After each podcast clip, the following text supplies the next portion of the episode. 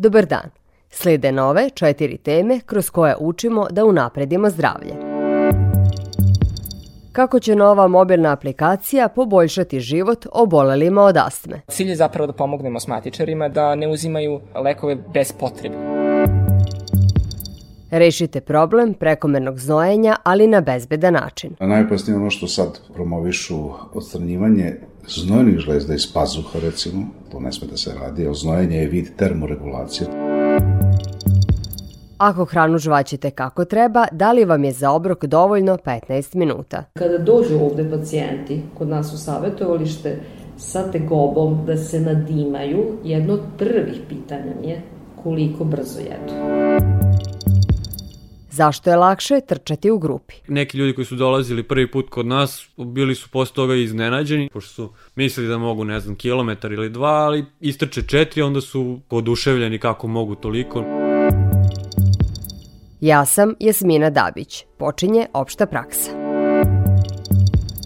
Astma je hronična upala disajnih puteva koja prouzrukuje probleme sa disanjem. Broj obolelih u poslednje dve decenije stalno raste, te se ona smatra epidemijom 21. veka. Oboleli od astme mogu voditi normalan, aktivan život ako nauče da je kontrolišu. U tome i može pomoći aplikacija Astma Pol koja će korisnicima pametnih telefona uskoro biti dostupna na Google Play prodavnici i Apple Store-u. Trenutno mi smo u zatvorenom testiranju naše aplikacije i imamo čak 15 korisnika kojima se mnogo sviđa aplikacija i koje koriste svakodnevno.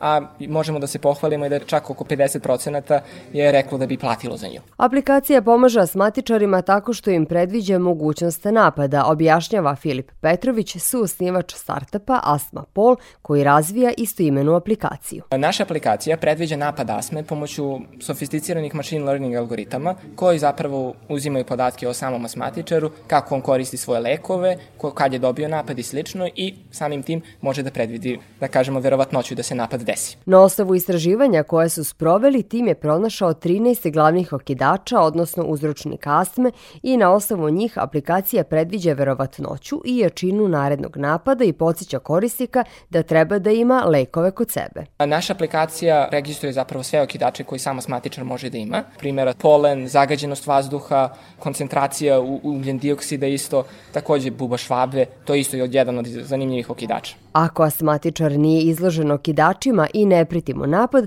aplikacija ga obezhrabruje da preventivno koristi previše lekova. Cilj je zapravo da pomognemo astmatičarima da oni smanje unos lekova koje nije neophodan. Primjera radi imate jako bitan sastanak i ne želite da dobijete napad, sami asmatičari uzimaju lek pre tog sastanaka da ne bi dobili. To bi moglo da se izbegne sa ovakvom aplikacijom. Mnogi ljudi sa astmom veruju da vežbanje i sport nisu opcije za njih. Istina je potpuno drugačija. Neki od svetski poznatih sportista ostvaruju visoke rezultate i pored diagnostikovane astme poput Andrije Pralinovića ili Davida Bekama. Redovna fizička aktivnost je ono najbolje što možete uraditi za vaše zdravlje. Važno je samo da odaberete aktivnost koju volite i koja vam odgovara. Aplikacija Astma Pol može vam i u tome pomoći, a uskoro će, kao što rekao smo, biti dostupna na Google Play prodavnici i Apple Store. Mada ne predstavlja značajan medicinski problem, prekomerno znojenje ili hiperhidroza predstavlja značajan kako psihološki, tako i socijalni problem.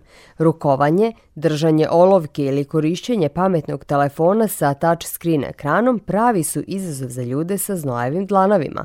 Usled poremećaja, osim dlanova, od znoja su najčešće mokri još i stopala i ispod pazuha. Kako se problem trajno rešava, otkrivamo u nastavku opšte prakse. Znojenje je priroda način na koji se naše telo hladi. Kada je posljedica vrućine ili napornog vežbanja, onda je normalna pojava. Prekomerno znojenje javlja se bez okidača, tako reći samo od sebe i dok mirujemo. Osobe koje od njega pate isprobavaju različite metode da bi rešile problem. Ubrizgavanje botoksa u dlanove koje što se češće ubrizgava ima sve kraće dejstvo. Prvi put traje 6 meseci do 7, sledeći put manje, 4-5, na kraju više nema efekta. Najopasnije ono što sad promovišu odstranjivanje znojnih žlezda iz pazuha, recimo, to ne sme da se radi, a znojenje je vid termoregulacije, na taj način čovjek reguliše svoju temperaturu Za one koje muči hiperhidroza, jedino trajno rešenje je operacija torakalna simpatektomija. Ta minimalno invazivna procedura je standard lečenja i izvodi se svuda u svetu. Od državnih bolnica u Srbiji radi se jedino na klinici za grudnu hirurgiju Instituta za plućne bolesti Vojvodine u Sremskoj kamenici i to od 96. godine. U svim zemljama sveta od 3 do 5% populacije ima ovaj problem. Javlja se zbog pojačanog tonusa simpatičnog dela vegetativnog nervnog sistema. Znači, to je onaj autonomni nervni sistem na koji mi nema utice, koji reguliše disanje, rad srca, varenje i znojenje. Taj pojačan tonus šalje impulse preko grudnog simpatičkog lanca u gornji deo tela. Znači, glava, pazuh, ruke. Taj pojačan impuls tera znojne žlezde da jače rade. Ono što mi radimo je da presečemo taj lanac na dva mesta i tako sprečimo slanje tog pojačanog impulsa. Za poslednjih 10 godina na klinici za grudnu hirurgiju na pomenutom institutu operisano je oko 2000 pacijenata sa celog Balkana. Sedmično najmanje dvoje ljudi podvrgne se intervenciji, kaže upravnik klinike dr. Miloš Koledin. Ova metoda je trajno rešenje i bezbedno za pacijenta, jer mi pacijenta ne lišavamo znojenja, samo ga prevodimo u normalnu populaciju, odnosno omogućavamo mu da se znoji kad je to potrebno organizmu. Pacijent ujutro biva operisan i nekoliko sati nakon zahvata napušta bolnicu. Nema potrebe za bolovanjem i lekovima. Operacija se izvodi u opštoj anesteziji, a ožiljaka gotovo da i nema. Kroz dva mala 5 mm otvora u pazuhu se ulazi specijalnom kamerom 5 mm teleskopskom u grudni koš Kroz drugu rupicu od 5 mm ulazi ultrazvučni nož kojim se to preseče, stave se drenovi, pluća se prošire, Drenovi se na kraju operacije izvode. Efekat operacije se javlja odmah nakon buđenja iz anestezije jer se pacijent budi sa suvim dlanovima. Komplikacije su izuzetno redke, ali operaciju prate nuspojave. Mi rešimo gornji deo tela, znači znojanje pazuha, dlanova, ali onda dolazi do pojačanog znojenja kod nekih pacijenata donjeg dela tela, donji deo leđa, butine i tabane. E sada, to je mnogo manji problem kod pacijenata nego znanje dlanova, gde je pacijent limitiran, ne može da se rukuje ni sa kim, ne može da radi bilo kakav posao koji je vezan za papir, zbog mokrih ruku koji praktično curi voda. Kompenzatorno znojenje javlja se kod 30 do 50 odsto operisanih pacijenata. Pacijent mora jako dobro da razmisli. Ako mu se pojavi kompenzatorno znojenje donjeg dela tela, Da li će mu to više smetati nego što se znoji ispod pazuha ili dlanovi, jer nazad nema. Na operaciju se odlučuju i muškarci i žene, većinom oko 30. godine. S obzirom na to da se prekomerno znojenje javlja u pubertetu, mogu se operisati i maloletni. Najstarija pacijentkinja imala je više od 60 godina. Unuka nije htela da je da ruke zato što je bilo stalno mokri dlanova. Pa onda smo je operisali i onda je bilo sve u redu. Sa uputom izabranog lekara za bolničko lečenje, operacija je besplatna. To nema liste čekanja, ni za jednu intervenciju kod nas, tako da pacijent može da zakaže pregled kod nas u ambulanti, da obavi prvi razgovor i potom da se dogovori o terminu operacije. Takva operacija rešenje je za pacijente sa primarnom hiperhidrozom, čiji se uzrok ne zna tačno. Dešava se da je pojačano znojenje posljedica drugih poremećaja, diabetesa, tumora, upotrebe određenih lekova, menopauze. Tada je hiperhidroza sekundarna i njeno lečenje podrazumeva otkrivanje uzroka. A kada je znojenje poželjno? Onda kada smo fizički aktivni, jer znojenje hladi telo. Jeste li videli nekada trkača da se ne znoji? Nisam ni ja. Ali sam videla toliko grešaka koje dok trče prave početnici, da ćemo u nastavku opšte prakse govoriti o najčešćim. Početnici sramežljivo ili sa dozom straha kreću na trčanje, jer misle da ne mogu da isprate treninge, ali bi se iznenadili koliko su zapravo spremni, tvrdi Stevan Antanasijević, trener u klubu za trčanje NS Runners. Iskustvo nam kaže da su stiljevi iz tog razloga zato što misle da ne mogu da završe zadatak koje je na tom treningu. Ali mi imamo grupe različite i one su prilagođene svim našim trkačima. I svako od njih završi zadatak. Stevan se atletikom bavi duže od 10 godina. Lako primeti početničke greške. Jedna od čestih je preterivanje u treninzima.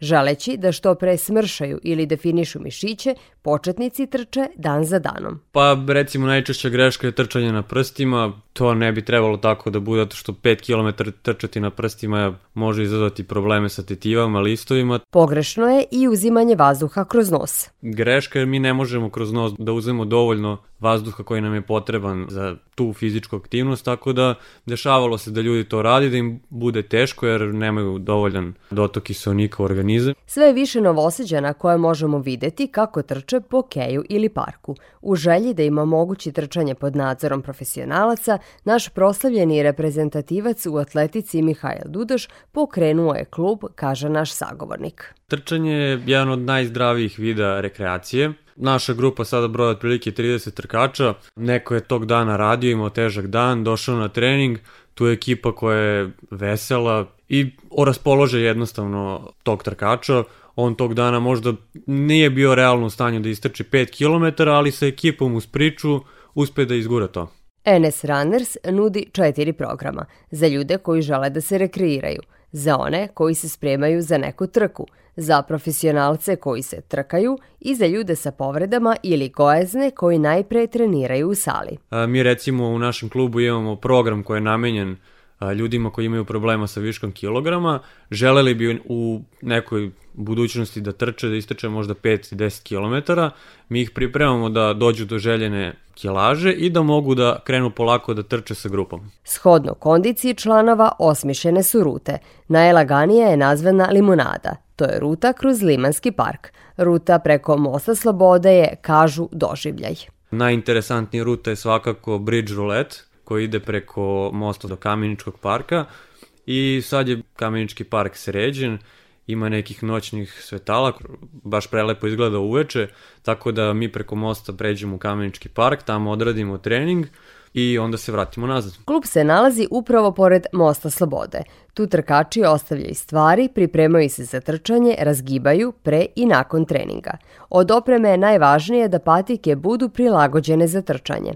Za sat treninga rekreativci pretrče najviše 7 km, a u razgovoru vreme proleti. A jedino ako je baš nešto teško, onda niko ne priča.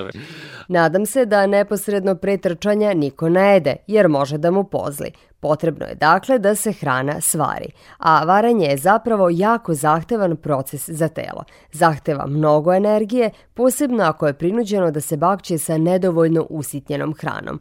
Kako se pravilno žvaće? Naučite u opštoj praksi. Koliko vam je potrebno da završite obrok? Zavisi šta jedem, ali recimo nekih 15 minuta. Brzo jedem. Najbrže u društvu. Treba mi nekih možda desetak minuta. Ako spadate u tu grupu, onda verovatno ne žvaćete hranu dovoljno. Saznajemo od doktorke Dragane Balać, specijaliste higijene u Institutu za javno zdravlje Vojvodine. Recimo jedno od upustava koje dajemo pacijentima je da se stavi na mobilnom telefonu tajmer i da počne da zvoni posle 20 minuta. Nekih 20 minuta bi trebalo da traje naš taj obrok. A većina mladih prošetate po gradu, primetili ste čim ste postavili ovo pitanje, oni gutaju hranu. A zašto je važno sažvakati hranu do kraja?